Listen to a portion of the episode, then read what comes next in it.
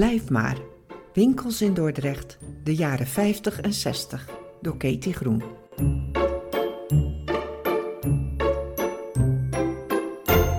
Een dorp van schuim.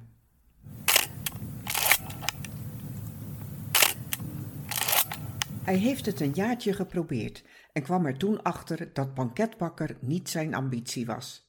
Kees van der Hof solliciteerde daarom in 1956 bij fotograaf Duparent en opende een aantal jaren later zijn eigen fotozaak. Hij had zijn diploma's gehaald aan de fotovakschool en menig bruidspaar heeft zijn trouwreportage laten maken bij Foto van der Hof in Dubbeldam.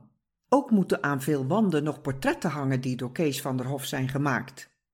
Met dat artistieke talent waren meer leden van de familie van der Hof begiftigd. Veelvuldig zijn door hen de mooiste stads- en dorpsgezichten geschilderd.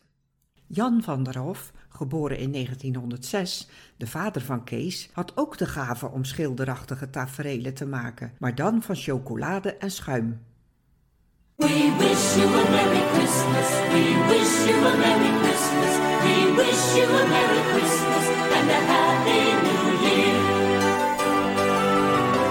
Rond kerstmis was er altijd een prachtige etalage, zegt Kees van der Hof.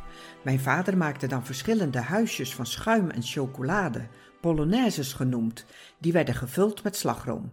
De etalage zag er niet alleen Anton Pieckachtig uit met zo'n winters dorpsgezicht, de huisjes waren nog lekker ook.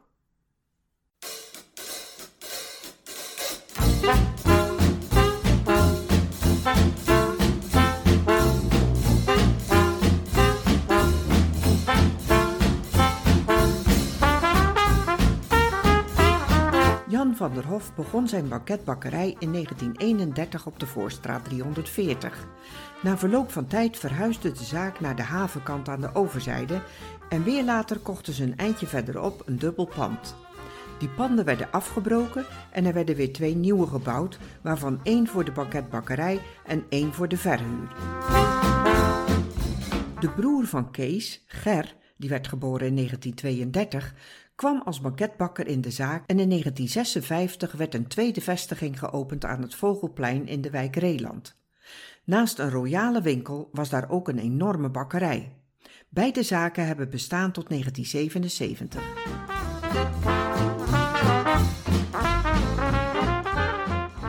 Kees van der Hof herinnert zich dat zijn vader met veel precisie en liefde voor het vak zijn beroep uitoefende. De winkel kende een grote vaste klantenkring en natuurlijk hoorden daar soms ook excentrieke mensen bij. We verkochten onder andere marsepijnen mandjes, dat waren gebakjes van cake met daaromheen witte marsepijn. Er kwam altijd een mevrouw die stevast vroeg om een marsepijnen mandje in een kleur die niet in de vitrine stond. De gebakjes werden dan snel in de gewenste kleur gemaakt. Dat was slim van haar, want zo had zij ze altijd helemaal vers.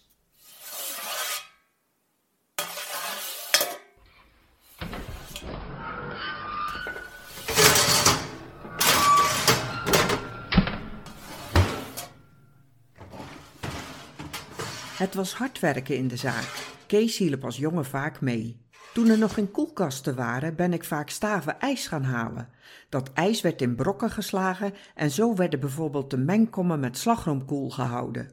IJsstaven haalde je bij de Noordpool, achterom bij het oude postkantoor op het Bagijnhof. Nu kun je je niet meer voorstellen dat je zo producten koel hield, maar hetzelfde geldt voor warm water.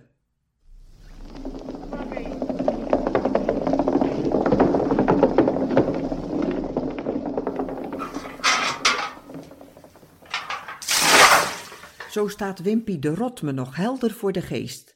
Het was een klein mannetje die over de voorstraat kwam met een handkar waar hij amper overheen kon kijken, geladen met kleine houten tonnetjes met heet water. Die bracht hij onder andere bij onze buren, slagerij Blom, die er de winkel mee schoonmaakte. De jongste bediende in de bakkerij werd stevast in de maling genomen, zegt Kees. Een nieuweling werd dan bijvoorbeeld door mijn vader op pad gestuurd om een klosje geruit garen te halen. Of deze. De bakkersoven bestond uit drie compartimenten.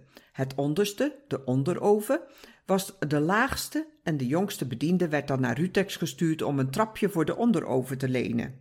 Soms zeiden ze bij Rutex dat ze het zelf al hadden uitgeleend en werd hij doorgestuurd naar een andere collega. In de bakkerij was het hard werken, maar dit soort dingen maakte die tijd ook onvergetelijk.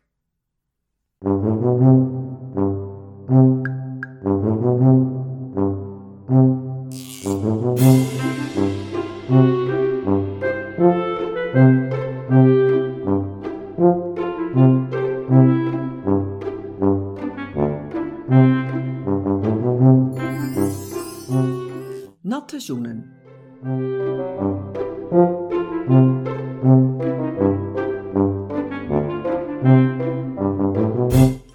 Een specialiteit bij Van der Hof is het hoge schuimgebak. Wie in de wijde omgeving van der Hof zegt, zegt hoge schuimgebak of natte zoenen, zoals ze ook wel worden genoemd. Het gebakje bestaat uit een bladerdeegbakje gevuld met spijs en een schuimrand met daarin slagroom.